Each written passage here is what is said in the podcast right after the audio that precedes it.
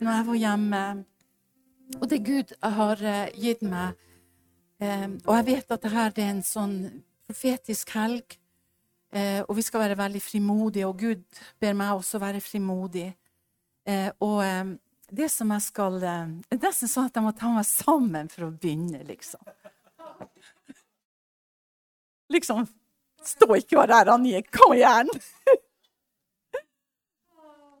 og og det som, eh, som, jeg har fått ifra Gud, det her med syner og drømmer. Og jeg vet at her i menigheten har det vært veldig mye forkynt om nådegaver. Om, og eh, mye kunnskap om nådegavene. Og kunnskap om tjenestegavene. Og Herren han har også sagt til meg det at eh, uten kunnskap så går vi vill.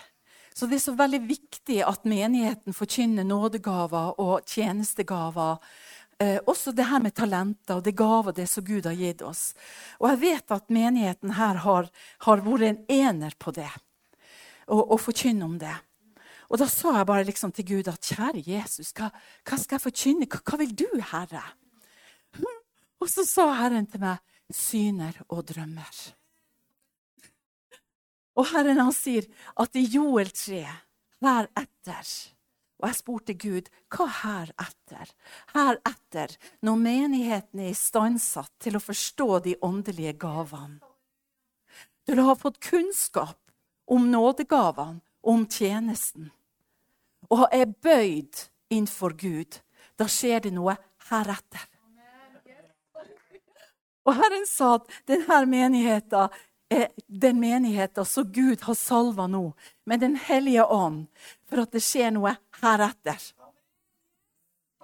Og vet du, Det ble bare så levende for meg. Og Jesus sa at, hvis, at jeg skal forkynne om det som Gud har lagt på hjertet mitt, med frimodighet. For det har kanskje blitt røva fra oss veldig mye i løpet av den tiden. For man har lett for å si Står det i Bibelen? Hvor står det henne? Vis meg hvor det står henne. Forstår at Gud sier at i de siste dager skal Gud utgyte av sin ånd. Heretter skal det skje noe. Eh, og når Jesus sa til meg så enkelt Når et profeti kom om Jesus som sa Se, eh, jeg kommer i bokrullen. Om meg er det skrevet å gjøre Guds vilje. Så sa Jesus, var det noen som trodde på det? Venta de at jeg skulle komme ut av bokrullen? Jødene skjønte faktisk ikke at det var Messias som var i bokrullen. Som Jesaja profeterte om. Og Herren sa, når Gud har talt et ord, i de siste dager, så skal vi ha syner og drømmer og åpenbaringer. Vi skal leve i en profetisk salvelse. Vi skal ikke knegå Gud og si 'er det du, er det ikke du', eller Eh, skal jeg være, eller skal, hva skal jeg gjøre nå? Vi skal være så ett med Gud i ånden. Og Herren viste meg det, at vi vet at verden blir bare mørkere og mørkere og mørkere. Og menigheten her har et ord fra Jesaja som sier det ordet at ute er det mørkt. Over folket er det mørkt, men over deg skal Herren la sitt lys stige oppover. Og så vekte Gud meg tidlig en morgen. Og så sa bare Herren til meg det at du skal si til menigheten at Herren har et ord til menigheten. Og jeg tenkte å, har du et ord her? Jeg begynte å lete i Bibelen, og det var liksom ingenting som traff meg. Og så sa jeg bare til Gud, hva er det du vil si til menigheten, troens liv? Så sa Herren, Nobel. Nobel. Og jeg tenkte for meg sjøl at det høres så rart ut. Når det står i Bibelen om at Jesus sa menneskesønnen lever ikke av, av brød alene, men av hvert ord som går ut av Guds munn. I det profetiske går det ord ut av Guds munn. Og i det profetiske så vil vi også kunne lodde det på Guds ord, og vi vil lodde det på Den hellige ånd. Og Gud ønsker å gi oss profetiske ord.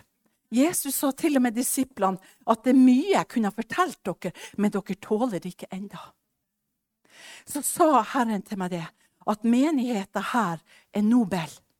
Jeg gikk og tygde på det. Jeg visste ikke hva Gud ville med dette her. Og vi vet at alt i Gamle testamentet det peker eh, fremover mot Jesus. Han er avbildet av Gamle testamentet. Og når alt måtte bli utgitt ved blod i Gamle testamentet, så vet vi at det er det eneste sanne, rene Jesu blod som kan rense oss fra all synd. Som kan gjøre sånn at vi lever i det profetiske, i det himmelske. Det som er der oppe, her nede, i våre hjerter. Og når vi vet at Jesu blod taler, så er det tilgjengelig for oss i det profetiske. For når han kom i bokrullen, og det ble stadfesta på korset, og alt det som ble sagt i bokrullen, og alt dette som måtte ofres med blod, ble ofra på Golgata, så har Jesus sagt at da har vi fått den profetiske salvelsen hos Gud. Det som ligger der fremme.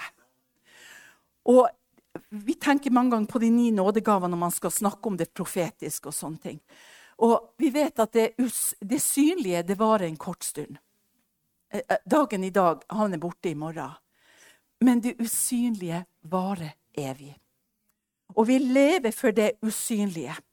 Og Herren sa også til meg det at det er en spesiell åndelig tilstand nå. At verden blir bare mørkere og mørkere. Men det spiller ingen rolle. For over oss går Guds lys, Herrens herlighet, opp over de kristne. Det kommer til å bli et mektig skille. Og jeg spurte Gud når jeg sa Herre, hva skille kommer til det å bli i menighetene? Og da sa Gud igjen Nobel. Ikke Nobel fredspris, for at han hette det som han ble etterlignet, men ordet Nobel med én L. Det står også i Bibelen om at endetiden ifra Gud Når han sa det, så sa han at endetidens tegn for oss er drømmer, syner, åpenbaringer, og vi alle skal være lært av Herren. Det skal være én ånd, én salvelse. Og Herren sa at mitt folk skal være Nobel. Og da vekte Gud meg klokka halv fem om morgenen. Jeg, jeg er jo ikke ikke B eller C eller D eller F. Jeg er gjerne F-menneske. Jeg liker veldig godt å sove om morgenen. Det er da jeg har min søteste søvn. Men Herren han vekte meg i firetida. Halv fem så tenkte jeg OK, da får jeg stå opp. da. Jeg satt i flere timer. Jeg hørte ikke et eneste kvekk, ikke en eneste lyd. Ingenting. Så sa jeg bare, Gud, er det noe du vil si meg? Så sa Herren, troens liv har fått et merke i den åndelige verden. Og så sa jeg, hvilket merke er det? Så sa Herren, de må få det et navn. Det står i Johannes' åpenbaring at de skal få en navn, en hvit stein på et navn de ikke kjenner. Det er ikke hvem som helst som kjenner.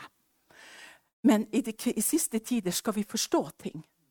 Og når Gud viste meg det, så sa han det fordi at åndens frukter er i denne menigheten. Åndens frukter som er Guds karakter i endetiden. Og Herren sa da spiller det ikke rolle hvor, mange, hvor mye nådegaver vi kan skrive hjem om. For Gud sa nådegavene må ha åndens frukter å spise på. Ellers så vil vi ikke skjelne om de kommer fra verdens ånd, eller om de kommer fra Guds ånd. Og Herren sa åndens frukter. Det er en karakter i endetiden som er over troens liv, som er Nobel. Og Herren sa at eh, drømmer og syner skulle komme til menigheten i en sterk grad. I en sterk grad. På grunn av at troens liv var avhengig av åndens frukter. Og Herren sa, når jeg begynte å prate med Herren, så sa han eh, Nobel det betyr jo edel, som vi forstår. Men det betyr eh, fornem. Og så står det det. Det vitner om Guds sinnelag.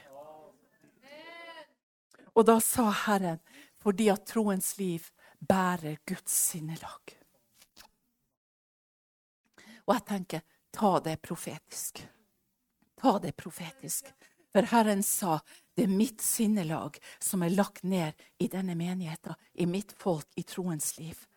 Det betyr edel og fornem, som vitner om Guds det evige og det elegante. Og vi tenker med oss sjøl hva betyr det å være elegant, egentlig. Og så det, sto det videre at, eh, at, Nobel det betydde altså den høyeste Gud er en, en, karakter av den høyeste posisjon. Halleluja. Nobel. Nobel. Det fins et rykte i den åndelige verden av at menigheten her heter Nobel. Senere i morgen skal jeg snakke om eh, å være kjent i tre verdener. Og da er det også viktig å vite hvilket navn har vi i den åndelige verden. Og Jan Helge sa så nydelig i dag at eh, vi vet at han som var besatt av de tolv legioner, han sier 'Jeg vet hvem du er'.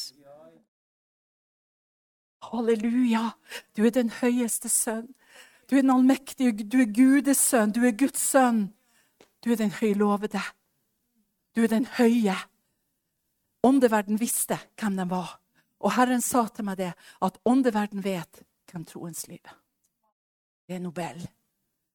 Nobel står også for å være galant, høflig, kultivert, men å være moden.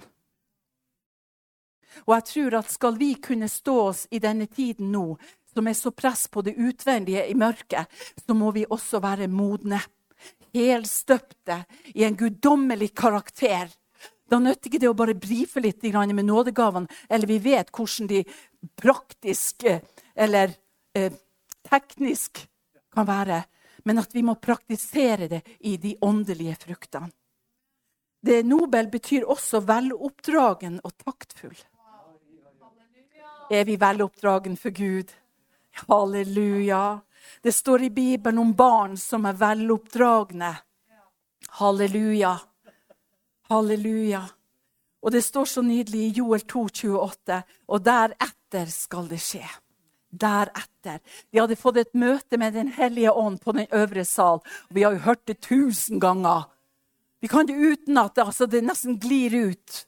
Men det står også plutselig 'deretter'. Og Jesus sa at vi skulle holde fast ved, ved profetene og salmene og apostlenes og profetenes lære. Og jeg tenker på det her når det står i Joel i de siste dager skal det skje. Halleluja. At Gud vil utgyde sin ånd over alt kjøtt. Alle vil få en mulighet til å få utgytelsen av Guds ånd. Og Herren sa, men det er kun de som er edel, som kan ta imot denne salvelsen, av denne utøselsen som skal skje heretter. Som det ble lest fra det profetiet. Det kommer.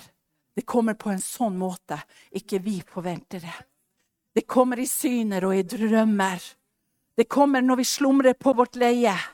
Da vi ikke er så opptatt av naboen eller opptatt av menighet eller snikk eller snakk. Da kommer Gud til oss mens vi slumrer på vårt leie. Taler Gud til oss, for da har han endelig fått oss til å bli stille. Da taler Gud til oss. Og her står videre i Apostelens gjerninger 2,17. Så refereres det til Joel 2,28. Og de som kom til Jerusalem for å tilbe, kjente ordet fra Joel 2. Derfor ble de frelst. For de kjente ordet.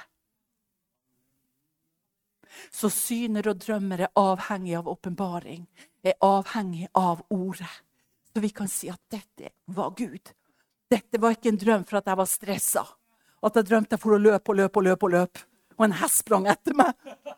Eller et eller annet. Da, da er det Guds drømmer som forklares fordi at vårt sinn er blitt stille det Nobel. Har fått et edelt sinn som Gud. Og derfor kan vi ta imot syner. Herren sa uten at vårt sinn blir nobelt som Gud, så kan vi ikke ta imot disse synene. For vi vil tenke liksom, hva var det her for noe? Vi vil ikke klare å være så stille at vi ser i den åndelige verden. For vi har ikke det synlige for øyet. Gud ønsker å åpenbare sin herlighet. Sånn at sløret går vekk fra våre hjertes øyne, sånn at vi ser hva Gud vil for morgendagen. Vi har ikke tid til å sløse bort. Vi skal leve i det profetiske. Det skal være så naturlig, så det mest naturlige vi kommer over. Det er jo det som er Gud i oss. Og det står det også da eh, at 3000 ble frelst pga. ordet som ble manifestert. Og igjen ble det proklamert av han Peter. Åndens frukter er Guds karakter i endetiden. Herren sa det har vært smått med syner og drømmer, står det i Gamle testamentet. Det var smått med det. Og de som kom med disse synene og åpenbaringer, det står det, det at det var disse avgudene som ikke talte det som hadde noe med Gud å gjøre. Og det er jo det som har skjedd. Når vi tenker på den beste TV-sendinga, alt det svineriet som er der, som profeteres ut hvordan du skal være, hva du må bli, og ditten og datten. Forstår at det er vi som skal ha syner og drømmer og åpenbaringer fra Gud. At vi skal kunne gå til naboen og si, 'Vet du, jeg hadde en drøm.' Jeg opplevde det hjemme, at jeg fikk en drøm. Jeg drømte om en mann i Oslo. Herren sa til meg, 'Du skal kontakte han.' Og så tenkte jeg jeg trenger et ord på det. Og så datt det ordet der det står i Jobbs bok. Herren taler på mange måter, også når du slumrer på ditt leie. Og så tenkte jeg ja, men jeg drømte jo at han eh, ikke levde rett for Gud. Og han var jo en troende. Så jeg ringte. Jeg ringte til Oslo. Så sa jeg til han, vet du hva, jeg må bare fortelle deg jeg hadde en drøm. Jeg kan ikke si 'så sier Herren'. For en som hadde en drøm, skal fortelle en drøm, står det i Bibelen. Men den som hadde et profetisk ord eller syn, han skal si 'så sier Herren'. Men likevel så betyr ikke det at en drøm er mindre viktig. Vi kategoriserer han. Og så tok jeg og ringte. Så sa jeg, vet du hva, beklager å si det, men vet du hva, jeg hadde en drøm om det. Å jaså, sier du det, liksom? Så sa han at du liksom har fått det fra Herren. Nå forteller jeg en drøm, sa jeg til han. Jeg drømte det, at Herren sa, på grunn av at du lever i synd, så kommer ditt liv til å ende der. Du kommer til å dø hvis ikke du omvender deg. Og huff da, men det var jo bare en drøm. Ja, ja, man kan jo få en drøm hvis du kanskje du hadde tenkt på meg, eller ja, ja, man kan jo få en drøm og liksom sånn mye pizza i magen, og du vet man har så lett for å si det der. Og så sa jeg bare, vet du hva, du må omvende deg, for jeg ser også når jeg snakker til deg, at Gud, han sa det han sa. Og, og det var en drøm. Men du får ta det. Denne mannen detter rett ned. Han får bakterier i hele blodsystemet sitt holdt på å dø. Hjertet holdt på å dø. Holdt på å fikk betennelse i hjertet. Og vet du hva? Da omvendte denne mannen seg.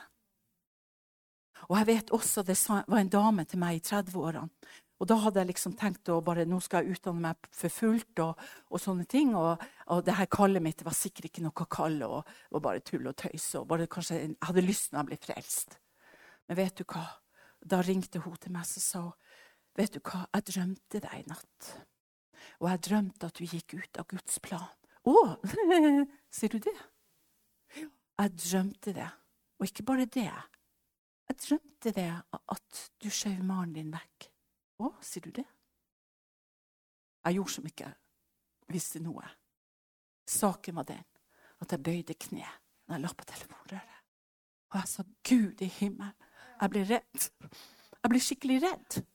Jeg sa til Gud, jeg omvender meg. Kjære Gud, hjelp meg. Hjelp meg, hjelp meg, Gud. At jeg har noen tanker, andre tanker ved mannen min, og at jeg bare blåser i alt, og at jeg begynner å leve mitt eget liv. Og kjære Gud, tilgi meg.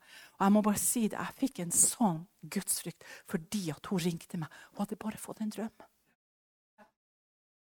Altså Når det står det om at Herren sier at Guds menighet, troens liv, er nobel, er galant, høflig, kultivert, modig, veloppdragen halleluja, har et sinn lik Gud.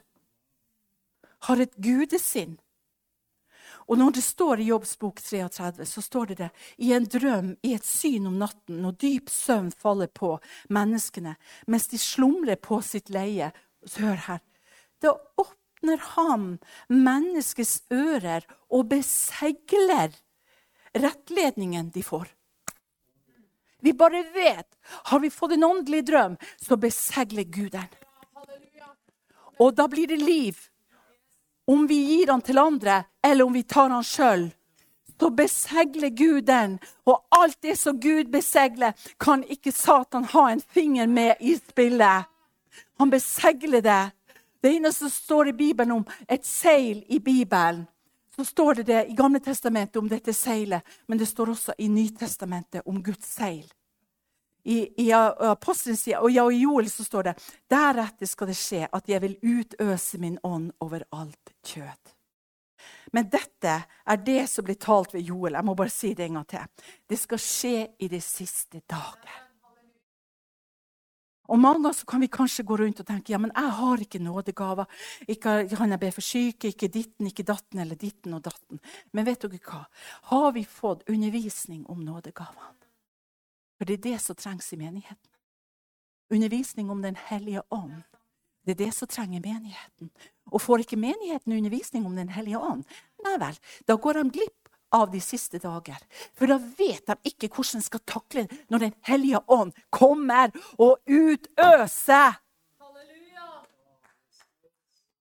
Og Derfor er det så viktig at menigheten her har vært trofast, talt om nådegaver, talt om Den hellige ånd, for at menigheten skal være parat når Den hellige ånd kommer.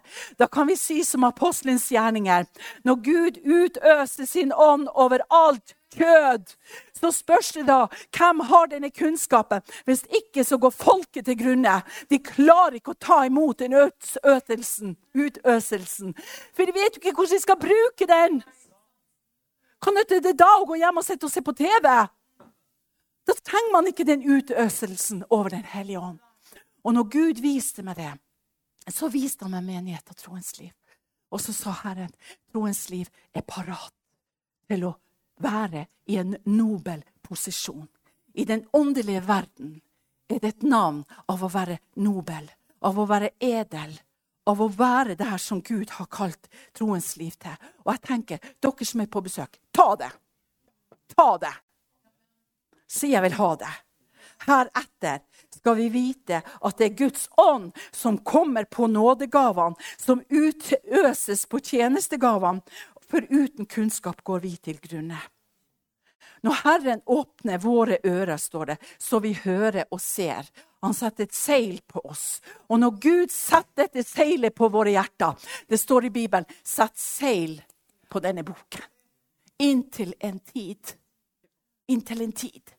Og når Gud setter et seil på det han utøser i Den hellige ånd, så må vi da vite hvordan vi skal bruke det.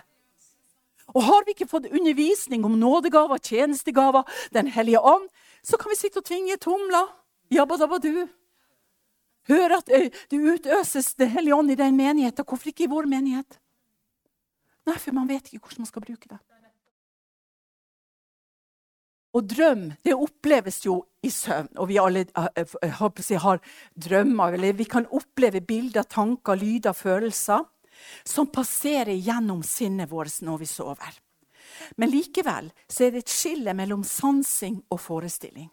Med andre ord, når Gud gir oss en drøm, så er det noe vi ikke kunne forestilt oss i levende livet.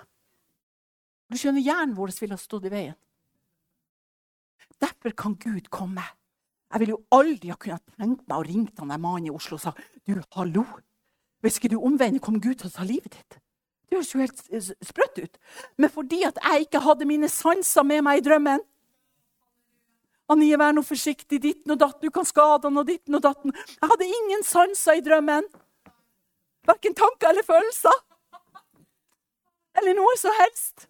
Ikke lukt, ingenting. Jeg bare hørte hva Gud sa. Og det var med på at denne mannen omvendte seg tilbake til Jesus. Så Derfor er det skillet mellom sansing og forestilling som blir oppheva i drømmer. Halleluja! Det er for at hjernen vår så hjertet, følelsene og ditten og datten, eller at, at vi skal liksom eh, gi det til den eller den eller den, men at det gir det Gud til oss, sånn at vi kan få lov å tolke det. Sånn som David gjorde. Nei, unnskyld, Daniel. Sånn som Daniel fikk lov både få drømmer og syner, og han fikk òg lov til å tolke. Det er det som er hemmeligheten når Gud utøser sin ånd. Vi skal få lov å tolke. Vi skal få lov å kjenne om det er fra Gud eller ikke. Og Det er jo derfor det er viktig å ha kjennskap til nådegave til å prøve ånder, f.eks. Hvis man sitter her bare helt grønn og tenker liksom Ja, guri malla, jeg fikk en drøm om at nå skulle et skip gå ned i øst og ditt og datt. Og... Men da vil Gud gi oss. Da kan vi si, Herre, var dette en drøm du har gitt meg, eller var det bare kaos for at jeg var stressa? Da ville vi kunne prøve det på ånden. Den hellige ånd på nådegave til å prøve om der, om det var fra Gud eller ikke. Og jeg tror Gud kommer med en nobel ånd over våre hjerter. Sånn at vi trenger ikke å tenke hvordan det skal være, eller det ene med det andre. Men at Gud tar oss igjennom drømmer og syner. Gud ønsker at vi skal leve et åndelig, profetisk liv sammen med Gud. Når det står i Amos 3,7, så står det For Herren gjør ingenting uten at han først har åpenbart det, sine råd for sine tjenere profeter. Halleluja. Du skjønner, Gud han kommer ikke med snikk og snakk. Men når han kommer, så kan han tale til oss ansikt til ansikt i vår ånd. Vet dere, jeg må si dere noe. Jeg opplevde noe rart hjemme. Mange ganger kan vi få en følelse av at er jeg god nok for Gud? Er jeg ren nok? Er jeg rettferdig nok? Er jeg ditten, er jeg datten, og det ene med det andre? Så kan vi gå litt ned for telling. Og du vet, jeg elsker Satan. For da har vi ikke den autoriteten som Gud har gitt oss. Og når vi ikke har den autoriteten der, så kan jo disse demonene og, og djevelen komme og si 'Hvem er det der?' Nei, stakkar, nå ligger hun nede igjen. Huff da. Men når, Gud, når vi vet hvem vi er og Jeg tenker, jeg, bruker, har jo coacha mye i mitt liv. Coacha ektepar og det ene med det andre. Og da begynner jeg alltid sånn å si 'Hvem er du?' Og noen vet bare hvem de er gift med, og hva de jobber med. De vet ikke hvem de er. For de har ikke gått dypt i sitt hjerte for å finne ut hvem jeg er egentlig. Når vi vet egentlig hvem vi er, at vi er rettferdiggjort i Jesus Kristus Vi kan da ikke bli renere enn det blodet som er utøst for oss på Golgata. Og når vi er der, rettferdig for Gud, så kan djevelen komme og pøse ting på oss. Og vi bare står han av, som vi sier i Nord-Norge. Og så opplever jeg en ting i den nye leiligheten vi hadde flytta. Og så opplever jeg det at ting skjedde hjemme. Mannen min ble bare dårligere og dårligere. Og så fikk uh, unge sønnen min blodpropp og ditten og datt. Det var masse som skjedde rundt omkring. Og så sa jeg bare til Gud Ja, Gud, du vet at jeg priser deg uansett. Så sa jeg til Gud ja, om jeg gjør det i ånden, jeg gjør det teknisk. Jeg har bare tatt et valg å prise deg, Herre. Men Gud, La hjertet mitt være med. For jeg kjente liksom at hjertet var ikke med. Jeg fikk liksom ikke det der til. Tok på lovsang, prøvde å lese Bibelen. Nei, det hadde jeg lest før. det, Nei, nei, nei. Bare sa jeg til Gud, Herre, ta meg inn på en plass i ånden der jeg ikke har vært før. Så kom det et mørke over meg. Jeg må si, Da skulle jeg egentlig på badet og pusse tennene. Så jeg bare fortsatte å gå inn på badet. Badet er mørk, gråsort. Og jeg går inn på dette badet. Så åpner åndeverden seg for meg. Så sier Herren, her er det sjelden kristne bruker å være. For de elsker å være i lovsangen. At vi kan sette på en CD. At vi kan lese Guds ord. 'Å, du er her, pappa Gud. Jeg kjenner det langt inni her.' Men Herren sa her er det sjelden kristne ønsker å komme. Men her er den mest mektige plassen på jord. Og jeg bare sa Gud, hva er det for noe? Kommer jeg inn på det mørksorte badet. Plutselig så ble bare alt enda mer mørkt. Det ble så mørkt at jeg bare lurte. Kjære Gud, kommer jeg til å besvime nå? Gud, hva er det her? Og så åpner jeg øynene mine. Så ser jeg et enormt langbord er dekket. Og i dette langbordet der så ser jeg fete retter. Bakom langbordet der så ser jeg djevelen og hans horder. Så hører jeg bare Herren si til meg, Anie, et. Jeg bruker å si spise vanligvis. Så sa Herren til meg, Anie, et. Og så minte Gud meg på Salme 91 at Herren dekker bord for deg, like foran dine fienders øyne. Og Herren sa, dette er en spiseplass som de fleste kristne ikke går til. Men Herren sa det er den som er nobel i sin ånd. Og når menigheten er nobel, så lærer de seg å gå like foran fienders øyne. For der har jeg dekket et bord. Ja! Og, og, vet du hva? Vet du hva jeg begynte å spise først? Jeg spiste en feit rett, og så skulle jeg se på den. Så så jeg bare på Herren, liksom. Men du skjønner, jeg så jo de demonene som satt foran bordet. Og så skulle jeg se på den retten. Idet jeg spiste den, så hørte jeg ånden sa, du er rettferdig i meg. En rett av rettferdighet. Og neste rett er rett av tro. En rett av overbevisning. En rett av håp. Og så ser jeg, jo mer jeg spiser av disse rettene, jo mindre blir disse demonene. Og plutselig så syns jeg det. Hæ? De så ut nesten som gelé. Og vet du hva? Til slutt var de bare noen vanndråper som gikk ned i sluken. Og Herren sa, pass på denne plassen i Salme 91, at Herren dekker bord for deg like foran dine fienders ansikt. Halleluja. Og Herren sa, der er det så få av mitt folk som er villig til å gå ut ved dette bordet. Og Satan får ofte lov å se på mine flotte retter, som jeg egentlig har bestemt for mitt folk i endetiden. For at de skal ete disse rettene og være mette og vite hvem de er i Kristus Jesus. Vet du hva? Når jeg var ferdig å spise, så bare akkurat som hele himmelen åpna seg. Jeg bare sa 'Herre, tal'. Og Gud begynte å tale personlig til meg. Ting som jeg ikke hadde tenkt på. Halleluja, halleluja. Og Herren sin stemme var så klar og tydelig. Og jeg bare sa til Herren, 'Herre, er det sånn det var å, å spise dine fete retter rett foran mine fienders øyne?' For vi vet at når vi er på den hemmelige plassen med Gud, der Gud sier i, i, i Matteus 6, der det står om at når du går inn, lukk døren bak deg. Ikke sant? Men Herren sa det fins en plass i ånden, et bord, som står ferdig dekka for mitt folk. Der vi skal pipe ut fienden. Vi skal klappe han ut. Vi skal pipe han ut! For han har ingen del i oss, ingen rett i oss.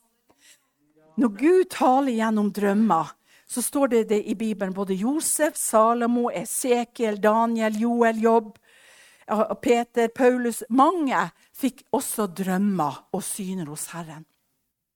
Og det åndelige livet med Gud ønsker Gud at vi skal bli kjent med Herren også igjennom når Gud utøser sin ånd i de siste dager. Heretter vil jeg utøse min ånd. Halleluja. Både syner og drømmer. Vi er kjent med Josef i Bibelen. Og der står det, det at I 1. Mosebok 37, 11, så står det, det at uh, faren Jakob tok vare på den drømmen som Josef fikk i sitt hjerte. Han syntes jo at uh, gutten hadde gått litt over streken. Og brødrene de, de ville jo drepe han. Og vi kjenner denne historien altfor godt. Men det vi ikke tenker på i denne historien, det som fikk Josef til å overleve alt dette, det var det at han hadde fått en drøm. Halleluja. Det står at han sa til brødrene Jeg så at en stor kornaker, all aksen bøyde seg for meg. Og hva det er? Det er bildet på folk. Det er bildet på folk. Det står til og med sol og månen bøyde seg for Josef. Hvem er det? Det var farao som tilba sol og måne. Så tilba starte og sol og måne. Det var farao. Vi vet at farao til slutt bøyer seg for da, da Daniel. Nei, for, unnskyld, for Josef. Og Josef han tyder drømmer både til bakeren og hoffmannen i fengselet. Han er der. Og man kan da tenke Gud, har du glemt meg? Derfor er det viktig at vi får åndelige drømmer. At Gud lar sansene våre hvile. At han gir oss det mens vi sover, mens vi slumrer på vårt leie. Vi må ikke overse den profetiske som Gud ønsker å utøse i disse dager. For Det ble lest nettopp i det profetiske ordet her. ble det lest at Gud kommer på sin måte. En måte som vi ikke har tenkt, som gir oss så frimodighet at vi kan si om du ikke omvender deg, så tar Gud livet av deg. Halleluja! Vi skal få lov å være på hugget. Vi skal leve så nært. Vi skal sitte foran fienden sitt bord, og vi skal spise fete retter. Og vi bare bryr oss ikke, uansett hvor mørke omstendighetene er. Og i mellomtida der med Josef så var det masse vanskelige prøvelser og utholdenhet som han måtte bevare sitt eget hjerte. Men han bevarte drømmen. Halleluja, han bevarte drømmen. Farao som tilba sol og måne, som jeg sa sier til Josef, Gud er den eneste sanne Gud, din Gud. Halleluja. Tenk, da var det denne ånden, faraos ånden av sol- og månetilbedelse, som måtte bøye seg for denne drømmen. Fordi at Josef bevarte det i sitt hjerte, så han senere også kunne tyde det. Og Derfor kunne Josef eh, være ydmyk i ånden, for han visste en dag, en dag kommer det til å skje. Og Josef han blir også profetert om at han skal være som et fruktbart, eh, ungt tre ved kilden, står det. En fyrste blant sine brødre. Halleluja. Og Gud ønsker at vi skal få lov til å være en fyrste her på jorda, her vi lever. At vi skal være fornem, at vi skal være nobel for Herren at vi skal Guds sinnelag. Og da nytter ikke det å si 'så sier Herren', hvis ikke Herren har frukter i våre liv som vi kan vandre i, leve i, ha autoritet i Den hellige ånd. For det kan verden også si. Jesus har sagt det sjøl eh, når han kommer tilbake. Mennesker skal si 'Har ikke jeg drevet ut onde ånder i ditt navn?' 'Har ikke jeg helbreda og gjort kraftige gjerninger?' Da skal Herren si 'Vik bak meg, jeg har aldri kjent deg'. For Gud må vise oss at vi er nobel. I åndens gave, det er også det profetiske. Ikke bare det til å drømme og ha eh, åpenbaringer og syner, men også til å kunne tyde det. Halleluja. Det er også endetidens tegn på den kristne menighet, som skjønner seg for nådegaver og tjenestegaver. At de kan være med på å tyde tidens tegn. At ikke andre kan si at ja, nå skjer det ditten, og nå skjer det datten. Jeg glemmer aldri Jeg hadde vært her for to ganger tilbake og kom hjem og satt og bare så litt på TV og tenkte det at jeg liker å slappe litt av før jeg går og legger meg, for jeg har ganske mye også i hodet mitt. Og så satt jeg bare og slappa av og så på noen kristne kanaler, og sånn, og så, og så sa jeg bare til Gud, helt sånn enkel, Herre, hvis du vil tale til meg, så tal. Og jeg gikk og la meg. Og som jeg har sagt til dere før, så vekker Herren meg på rommet med å si til meg Anie, jeg har tillatt en virus å bli sluppet løs i Kina. For å forhindre den tredje verdenskrig, for mitt folk ber. Hørtes jo helt sykt ut. Jeg tenkte dette var et syn. Jeg reiste meg i senga og jeg tenkte kjære Gud, skal jeg være kan Svein? Kjære Gud. Og jeg sa til og med, er det du, Gud? Si det en gang til. For det står nemlig om de som fikk syner de kunne kommunisere med Gud. Det står til og med i drømmen kunne de kommunisere med Gud og snakke med Gud. Det, det, det, det står flere plasser i Bibelen. Og da sa Herren det en gang til til meg.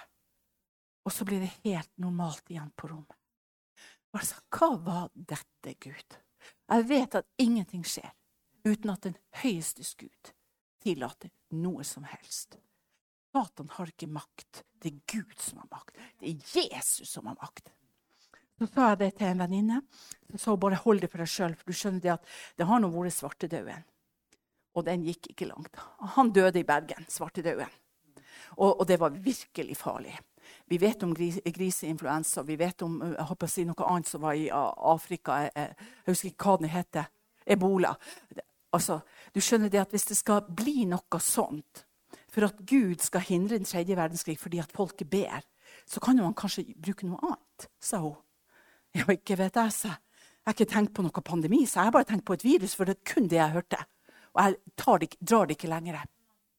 14 dager etterpå så står hun Erna Solberg og forteller at landet er lockdown. Og da gråter jeg. Og vet du hva? Jeg hadde sagt det til han Svein. Han syntes det hørtes helt spooky ut. Og da så han bare på meg og strøk meg på kinn og sa ikke et eneste ord. I løpet av den første delen av pandemien var det tre verdenskriger som stoppa. Som hadde eh, holdt på å si, sanksjoner og det ene og det andre. Gjør dere ikke det, så Både fra Jemen og andre plasser. Vi vet at det har skjedd. Det sto til og med i Dagen at hun venninna eh, tok bilde av dagen. Så sto det det at, eh, at eh, eh, pga. korona så stoppet denne krigen. Og Da bare sa jeg til Gud Sendte meg det bildet av dagen bare for at jeg skulle få trøst. Eller for at Gud er Gud om alle mann er døde. I drøm vil også Gud forberede oss, sånn at vi kan advares mot det som faktisk fienden prøver på. Vi kan advares i syner og drømmer. Det snakkes om i den siste tiden, i endetiden. Det står også det her om at Abraham sovna. Vi vet om Abraham han lengta etter en sønn. Og det står i første Mosebok og videre, 15 og videre. Og det står at han lengta seg etter en sønn. Og han sa til Gud, må jeg virkelig gi alt jeg eier til min tjener? Og, og, eh, Kanskje han var eh, rundt eh, Jeg vet ikke hvor gammel han var da, men han fikk nå hvert fall en sønn da han var 100 år.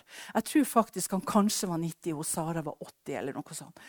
Og, og sa bare Gud at, at han skulle tale til ham hva som lå der framme. Men så sa han men jeg vil at du skal ordne et offer for meg. Og så vil jeg at, at du skal gi meg det offeret, og så skal jeg fortelle deg hva som skjer heretter. I Bibelen, i første Mosebok, så står det nemlig det at når Gud tok eh, Abraham, da, så står det så fantastisk at Vet du hva, jeg må bare lese det, for jeg, jeg syns det er så sterkt. For at Gud minte meg på at Herren lot en dyp søvn komme over Abraham. Og så spurte jeg hvorfor. Så sa Herren for at han ikke skulle tukle det til. På grunn av at i søvn så har man ikke disse sansene. Og da står det videre Det skjedde da solen gikk ned og det ble mørkt. Se, da viste det seg en rykende ovn og en brennende fakkel som for imellom kjøttstykkene og offerdyrene. På den dagen sluttet Herren en pakt med Abraham og sa, til din slekt har jeg gitt dette landet, fra elven i Egypt og til den store elven, elven Eufrat. Og så står det om alle disse hetittene, amoittene og alle disse. Men før der står det også når solen gikk ned. Før der. Da solen var i ferd med å gå ned, kom en dyp søvn over Abraham, og se, gru og mørke senket seg over ham. Med andre ord, han slapp å være vitne til det som skjedde på, i sine fysiske sanser. Han lot en dyp søvn komme over Abraham. Og Herren sa, men hvis ikke, så hadde han kanskje vært med på å tukle det og ødelegge det som Gud egentlig hadde forutbestemt. Når Herren snakker om syner og drømmer, så tror jeg faktisk at Herren vil at vi skal ta det alvorlig. Det står i første Mosebok så står det om Abimelek.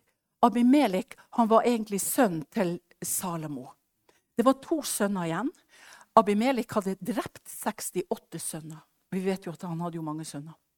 Han hadde drept 68 sønner, så han var igjen. Han var kong Abimelek, og så hadde han en bror som var på flukt. Så kommer det Abraham ridende gjennom landet og, og ville kompromisse med han. Og det som skjer da, da sier han til Sara du, eh, Sarai, kan ikke du bare si at du, du er broren min? Så, du vet han Amimele kan jo ta 68 av sine brødre. Og, og det, han, han, andre typen han er jo på flukt, og her kommer vi, vet du. Og så sier han det at, eh, at eh, Ja, hvem er hun flotte Sarai? Nei, du skjønner, hun er søstera mi. Hun sa ja, han er broren min. Du vet, Abimelek, det koster han ikke fem øre, et lite blikk på henne, for å ta henne inn i harem. Men det står det at han hadde ennå ikke hatt tid til å røre henne. Så står det så nydelig. Da kom Herren i en drøm til Abimelek og sa, Abimelek, selv om du har gjort det uforskyldt, for du visste ikke at hun var gift med en mann, står det. Men du skal nå gi henne tilbake til ham, for de er gift. Hvis du rører henne, så kommer du til å dø, du og hele din slekt. Tenk, da, da gjør han en avtale med Gud. Vet du hva, Abimelek er ikke frelst. Han er ikke en gudsmann. Gud kan tale til hvem han vil, når han vil, gjennom drømmer, syner og åpenbaringer. Er ikke det fantastisk?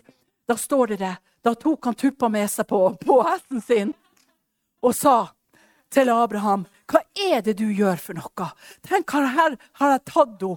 Holdt på nesten å ta henne. Og Gud sa han skulle til meg ta hele livet mitt og hele gjengen, og til og med du kom ikke til å komme inn i det som Gud hadde bestemt for deg. Fordi Gud elsker deg, har han talt til meg, sa Abimelek. Og du vet, Abraham han måtte jo bare omvende seg med en gang. Han tenkte det at han skulle få den bekken han hadde håpa på. Men vet du hva? Han sier du skal få mye mer. Bare du drar. Bare drar. Du skal få det du vil ha. Bare dra! Halleluja. Og du vet at når Gud taler til ufrelste mennesker, så har jeg hørt at Gud taler til så mange muslimer i dag. Og med andre religioner. At de faktisk oppleve det, at Jesus kommer og snakker til dem. Og Jesus sier faktisk at det som står om meg i Koranen, er bare en liten brøkdel. Og så åpenbarer Jesus seg for dem. Gud taler til oss på forskjellige vis. Den usynlige Gud bruker det som han har kalt oss til, i ånden. Det kommer til å skje ting vi ikke har tenkt. Ble det lest? Ting vi ikke har tenkt, som skal spire fram. Det står om Daniel når han fikk dette synet, og han hadde også både drømmer og syner. Så står det det, så var han syk i flere dager. Det kan godt hende at vi må gå så nært Jesus at vi føler at kroppen faktisk må tåle dette. Vi må faktisk be til Gud at vi må tåle det for å få disse synene og åpenbaringer, så vi kan ha noen dager å komme oss på. Rett og slett. Når Herren taler til oss, så vet vi det i syner og drømmer om natten mens de sover og slumrer på sitt leie. Det er for at Gud skal hindre oss som har tatt imot Gud, å gjøre dårlige valg. For Herren, han kommer til oss. Gud vil ikke straffe oss, men han vil hindre oss til å ikke miste velsignelser. Rett og slett. Og at vi tar det, at vi tar det for det det er.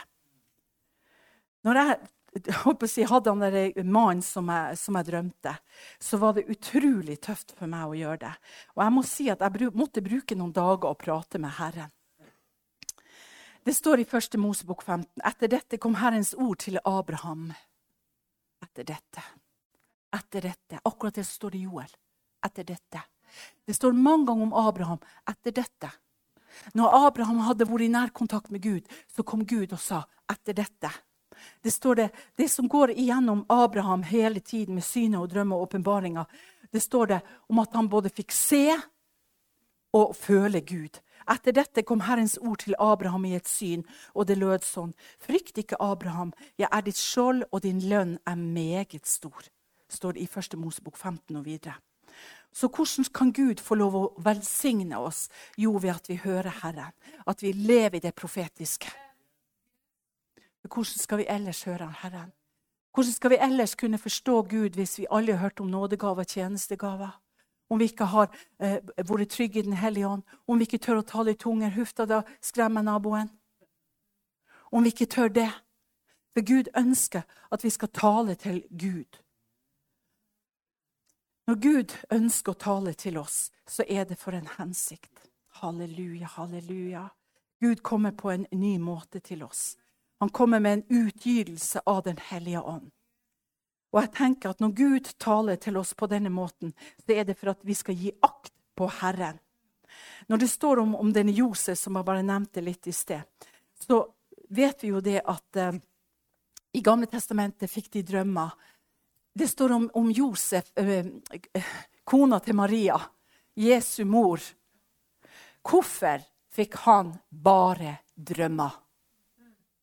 Hvorfor fikk ikke han syner? Nei, for i Bibelen så står det det er de som er fylt med Den hellige ånd. Etter dette skal vi få syner og drømmer. Men de som ikke hadde Den hellige ånd, får drømmer.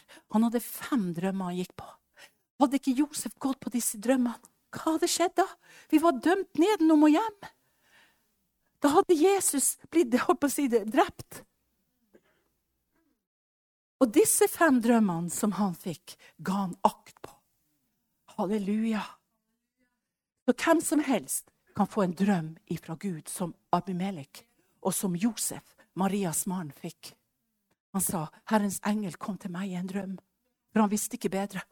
Han kunne ikke si det var Gud, for så hellig var han ikke.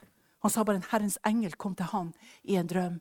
Og disse fem drømmene gjorde sånn at hun, Maria og Jesu-barnet ble bevart hele tiden. Halleluja! Skulle ikke vi gå på de drømmene som Gud gir oss? Være frimodig! Om vi drømmer vi må flytte eller ditten eller datten. Sånn at vi tør å gå på dem. For Gud lager bilder, tanker, som lagres i underbevisstheten vår. Derfor vil ikke Gud at vi skal tukle med underbevisstheten med sin seanse og hypnose. Dette er noe som tilhører Gud. Bare Gud. For vi vet i det okkulte så går de inn i hypnose, inn i seanser. Da er de med på å åpne den delen der som er skjult for mennesket. Som bare er Gud. Og Derfor ønsker Satan å ha hypnose på TV og det ene med det andre, som, som kommer på den beste sendetida. Så fortell F.eks. For i Bergen sto det et stort skilt. 'Slutt å røke! Jeg hypnotiserer deg.' Går inn i din underbevissthet og gir deg ny mindfulness for at du skal kunne slutte å røyke. Og greier og greier. Hva er dette? Dette er med på å undergrave det som Gud har. Og Herren sa til meg det er fordi at vi kristne ikke har gjort bruk av det. Så Gud har gitt oss i syner og drømmer, der han har forsegla det med sitt seil. Når Gud kunne si 'sett seil på dette synet til Daniel', og så står det Johannes' åpenbaring. Der var òg et seil som ikke skulle sies. Fordi at Johannes sa de ordene var bare så guddommelige at han kunne ikke si dem. De ble satt seil på. Men vi skal ikke sette seil på det som Gud gir oss i våre drømmer. For det er Gud som har gitt oss det. Og når vi taler ut ifra Guds ord, disse drømmene, så vet vi med oss sjøl at vi skal prøve det på Guds ord og på Guds ånd. Og Derfor sier Herren vi ser stykkevis og delt. I denne profetiske helga så ønsker Gud å gi oss profetiske ord. Det er ikke, det, altså, mange ganger er så lei med at folk sier å, jeg har et profetisk ord, og jeg føler et eller annet, men jeg vet ikke hva det er. Og så går man hjem. Jeg følte det var et eller annet på møtet var litt stengt. Mm, følte det var noe, sikkert noe urent. Og så. Ja, sikkert noe sånt. Du skjønner, Gud taler ikke på den måten. Gud taler rett frem. Han taler i sitt ord, han taler i det profetiske ordet, han taler i syner og drømmer. Heretter skal det skje. Så Vi skal ikke gå i blinde og bare famle, sånn som de ugudelige gjør. Men vi skal være tydelige og klare på det Gud har gitt oss. Halleluja. Og Jeg glemmer ikke når Gud ga oss denne leiligheten som vi bor i nå. Jeg bare kjente det at nå var det på tide for oss å flytte. Flytte på ett plan og sånne ting. Men sånne nye leiligheter var bare kjempedyre.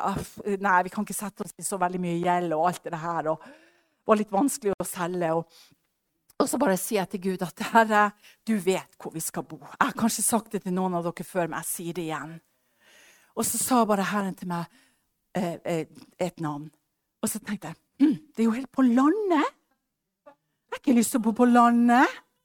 Men Gud sa du skjønner det at du har jo en drøm ja, jeg drømte at jeg var der, og badet var sort, og det var masse spotter i taket. Og, og sånn, og, ja, det var nytt. Og.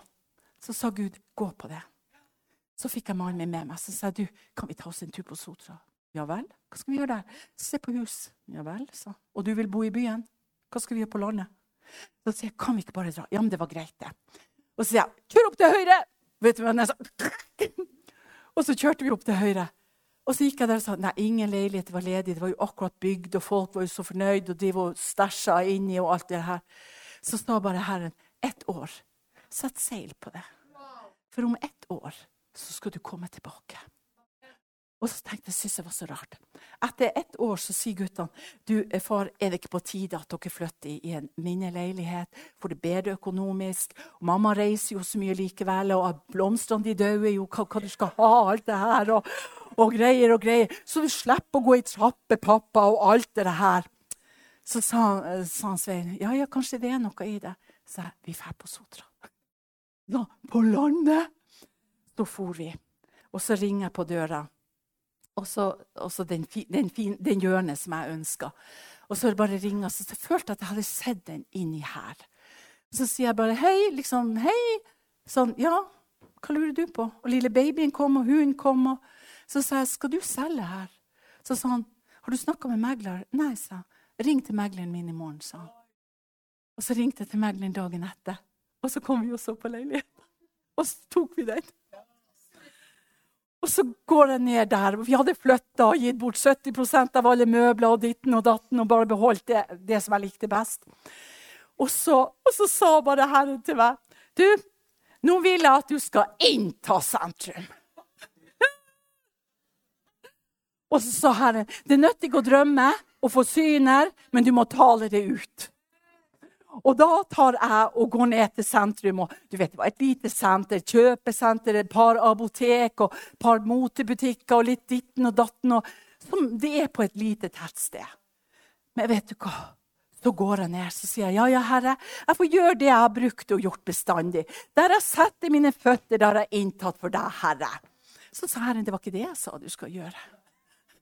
Og jeg gikk igjen. Og der jeg setter mine føtter, har jeg inntatt for deg, Herre. Så hører jeg bare Herren si bare så tydelig, det var ikke dette jeg sa til deg. Og så tenkte jeg, hva sa du, Herre? Jeg har ikke hørt etter. Jeg bare tatt det liksom de her vanlige greiene. Altså det, som jeg, altså det man er vant til inni et spor. Når jeg kommer på en ny plass, så, så bruker jeg å gjøre det. Så sa Herren, gå ut og spore, for jeg har et annet spor til deg. Og jeg spurte, Herre, hva har du? Og da ble jeg flau. Og der, noen av dere vet det her. Og da sa jeg bare, sa jeg, Gud, hva sier du? Herren sa, gå og rop på, inn på senteret, inn på butikkene, inn på, på, på i nærheten av gamlehjem, i nærheten av sykehjem. Det var noen sykebiler som sto der ditt og datt. Gå og rop. Og på motebutikker overalt. Gå og rop. Her skal Anie Skau bli kjent! Og så tenkte jeg å guri, hvor flaut. Men herre, det kommer jeg aldri til å si til noen. Så sa Herren, jeg hørte ikke og så sa Herren nå skal du gå bortover der til det nye apoteket. derfor at vi så at det hadde blitt et nytt apotek, for det sto noen plakater. Så sa Gud skal du gå til Det hvite huset der, så skal du bare gå der på den rampen der, og så skal du bare rope det ut. Hør Herrens ord. Her i Skogsvåg skal Anie Skau bli kjent. Amen. Men det var helt forferdelig. Jeg sa det ikke til Hans Svein, for det var så pinlig. Og så sier Herren for blir ikke du kjent, så blir ikke jeg kjent. Og så sa Herren dagen etter skulle jeg gå og si det samme, men da skulle jeg si det i tro. For jeg hadde bare sagt det i vantro!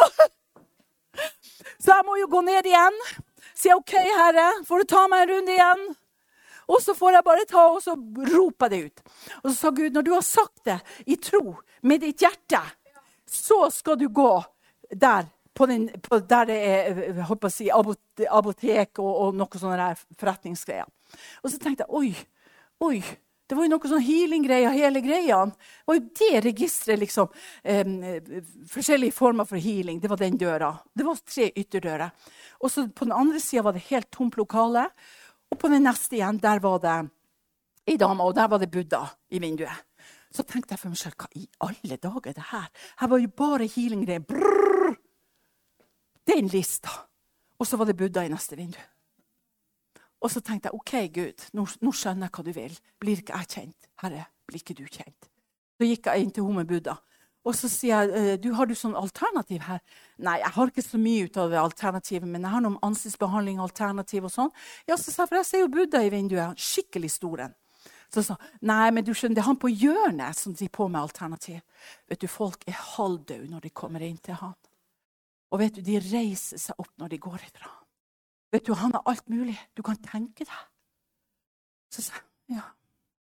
Og du driver på med litt Ja, jeg har jo yoga og alle de her tingene, og sånne ting, men, men det, er som, det er han som kan det. Vet Du du blir totalt forvandla. Hele Skogsvåg er forvandla. Så du ser jo alle bilene som kjører inn. Så sa jeg du, det her lokalet midt imellom, er det ledig? Ja, det er ledig, sa hun. Så sa jeg, kan jeg få nummeret til han? Så sa hun nei, du kan få navnet, for jeg har ikke nummeret til han. Han er en businessman, og så hever hun bare bryna litt. Så sier jeg til henne det at ja, du eh, Kan jeg spørre hva du betaler? Hun betaler 10 000 pluss i måneden. Eh, men hun har jo forretning, da, behandling og alt det her, og det gjør han andre også. Så jeg til Gud ikke har jeg behandling, ikke har jeg noe som helst. Jeg er bare meg, og jeg kan ikke binde meg på 10 pluss. Altså pluss strøm ca. 12 000-13 000 i måneden. Det går bare ikke, Gud. Jeg kan ikke binde. Jeg er jo ferdig å reise, så skal jeg ha et lokale bare for å Og så sa bare Herren Jeg hørte ikke hva du sa. Og så tar jeg og ringer til han, og han sier jo bare det Ja, Du vet eh, hva det koster? Ja, så jeg fikk høre hva naboen har. Eh, og, du er, og, du skal ha det lokale. Så sa jeg jeg skal ha det lokale, men jeg er ikke villig til å betale så mye. Og vet du hva, da flirte han. Så sa han ha-ha, da står det tomt. Hva er du villig til å betale? 4000. Han aldri i livet, sa Da står det heller tomt. Så sa han bye, bye. Så sa han det er min inntekt, sånn at du er klar over det. Ja, så sa jeg, men jeg måtte jo bare spørre. Men Herren sa til meg, jeg gikk opp. I troen gir ikke opp. Gud sa, ba ikke du i tro? Talte ikke du at du skulle bli kjent i Skogsvåg? Hæ? Og så ringte jeg tilbake. Jeg ringte til Bjørg og en par venninner og jeg sa kan dere be. Ja, vi bare, vi bare ber til Bjørg at du skal bare slippe med 2000 og, og så strøm. Så sa jeg vet du hva, Bjørn, for å være helt ærlig, så har ikke jeg 2000 å, å avse. For å være helt ærlig. Ja, men da, da kan Gud gjøre noe, sa Bjørg. Ja, det må han virkelig. Så får jeg da kontakt med han, og han og, og kjæresten kommer. Flott kjæreste på 20 år, og han var noen og 50. Og så kommer de trippende med en Labugini og låser opp døra. Og så sier han 'jaså, hva du driver på med?' Nei, så sier jeg at jeg driver ikke på med noe, så for å være helt ærlig. Så sa jeg bare 'Jeg skal bare være her og male og kose meg'. 'Å ja, du skal være her og male og kose deg. Hva du maler for noe?' Og så sa bare Gud, 'Gå ikke på kompromiss'. Akkurat som Abraham gjorde. Gå ikke på kompromiss. Og så sa han, 'Ja, hvis du lager meg f.eks. ett bilde i måneden, så kanskje jeg kan liksom gå litt ned på pris.' Så sa jeg til han at ja, det blir jo det blir veldig dyr husleie, for du skjønner mine biler koster 20 000 pluss. Og så sa han nei, selvfølgelig ikke, selvfølgelig ikke. Nei, selvfølgelig ikke. Så sa han hva er det som skjer? Og så tenkte jeg hva for noe? Jeg vet ikke, sa han, om det er jeg som blir helt tommelumsk, sa han. Og så sa han du skal få det gratis.